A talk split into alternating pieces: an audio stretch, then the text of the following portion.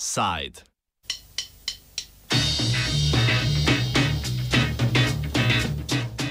Nedolžnost nevednosti.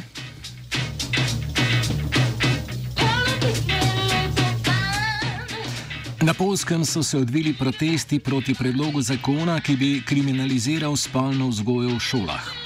Predlog zakona, ki ga je pripravila vladajoča stranka Zakon in pravičnost, predvideva do pet let zaporne kazni za učitelja, ki bi učence mlajše od 18 let poučeval o spolni vzgoji ali možnosti kontracepcije. Prav tako bi prepovedal govorjenje o homoseksualnih spolnih praksah ali homoseksualni identiteti. Predlog zakona v obravnavo prihaja le nekaj dni po splošnih volitvah, ki so se odvile v nedeljo. Na njih je ponovno slavila dosedaj vladajoča stranka Zakon in pravičnost, ki je sicer dobila večino v spodnjem domu parlamenta, ne pa v senatu.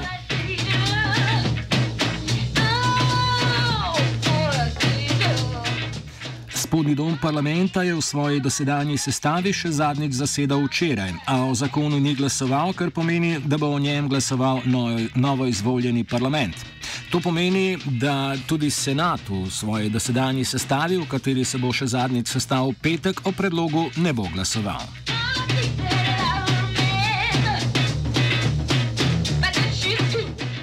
Več o časovnici pove Marta Lempart iz organizacije Strajk objet iz mednarodnega ženskega štrajka, ki zakasnitev glasovanja o zakonu pripisuje protestom. This yesterday's sitting was the last sitting of the former parliament, uh, and they didn't vote the project. They didn't push it forward. They just put it in the commission, so it's still in the works. Uh, so the new parliament will be working on it. So we still have some time to organize.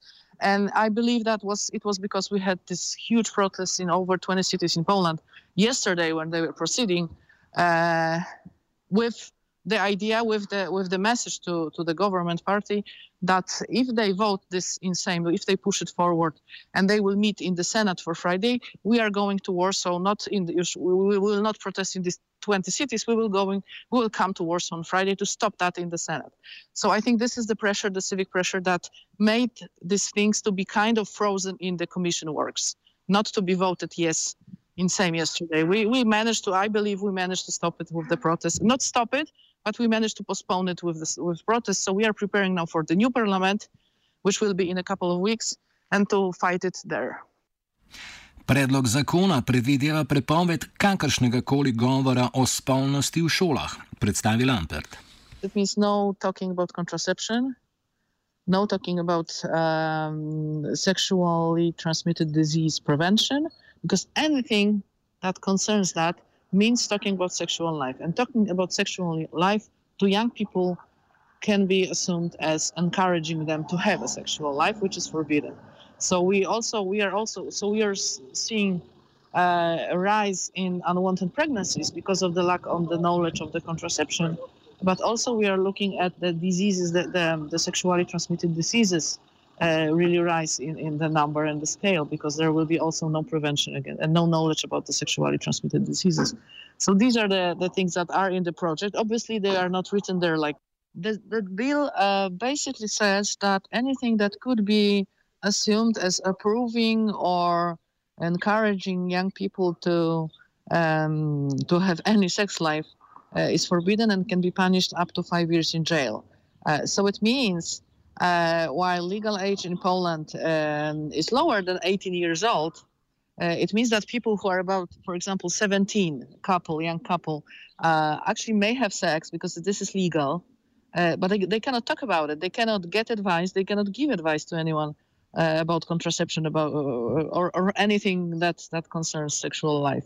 Um, the bill means any talk, any advice, any information, any knowledge about sex life um, towards young people uh, will be basically forbidden because anything can be treated as promoting uh, having sexual life or having sexual uh, experiences. Uh, and it's very dangerous because uh, it also means that uh, there will be no knowledge about how to how to prevent children, how children can um, recognize that they are being molested, that they are being abused, and how they can act uh, against that, that they should tell someone, that they shouldn't be ashamed and so on and so on. So there will be no knowledge, no prevention uh, for child abuse because talking about child abuse would also be presumed as uh, waking up children's sexuality or whatever. Prav tako bo prepovedano govoriti o homoseksualni spolni usmerjenosti. Uh, and this also means that people who are not um, uh, heterosexuals, people who are LGBT persons, uh, won't be able to get any advice uh, on what's going, especially young people.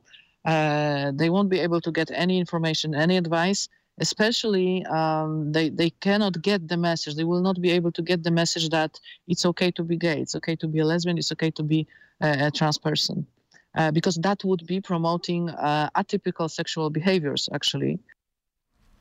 Lampert meni, da gre v tem primeru za širšo kampanjo proti homoseksualcem, eh, ki jih v svoji retoriki enači s pedofilijo.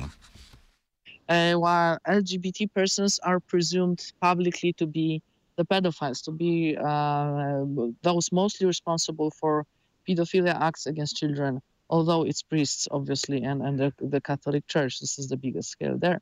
Uh, and it's also, we recognize it as a Catholic Church, actually, backlash against the, the, the pedophilia scandals and the fact that it was last year there was this this huge scandal about uh, the, the, scale of, of abuse in Polish church. Organizirane spolne vzgoje sicer tudi do sedaj na polskem ni bilo. Vzgoja učencev je sledila katoliškim smernicam, pouča, poučevalo pa se je tako imenovano pripravo na družinsko življenje. Kljub temu, do sedaj govora o spolni vzgoji v šolah ni bil kriminaliziran. Več o to vrstni, vrstni pove Lampert.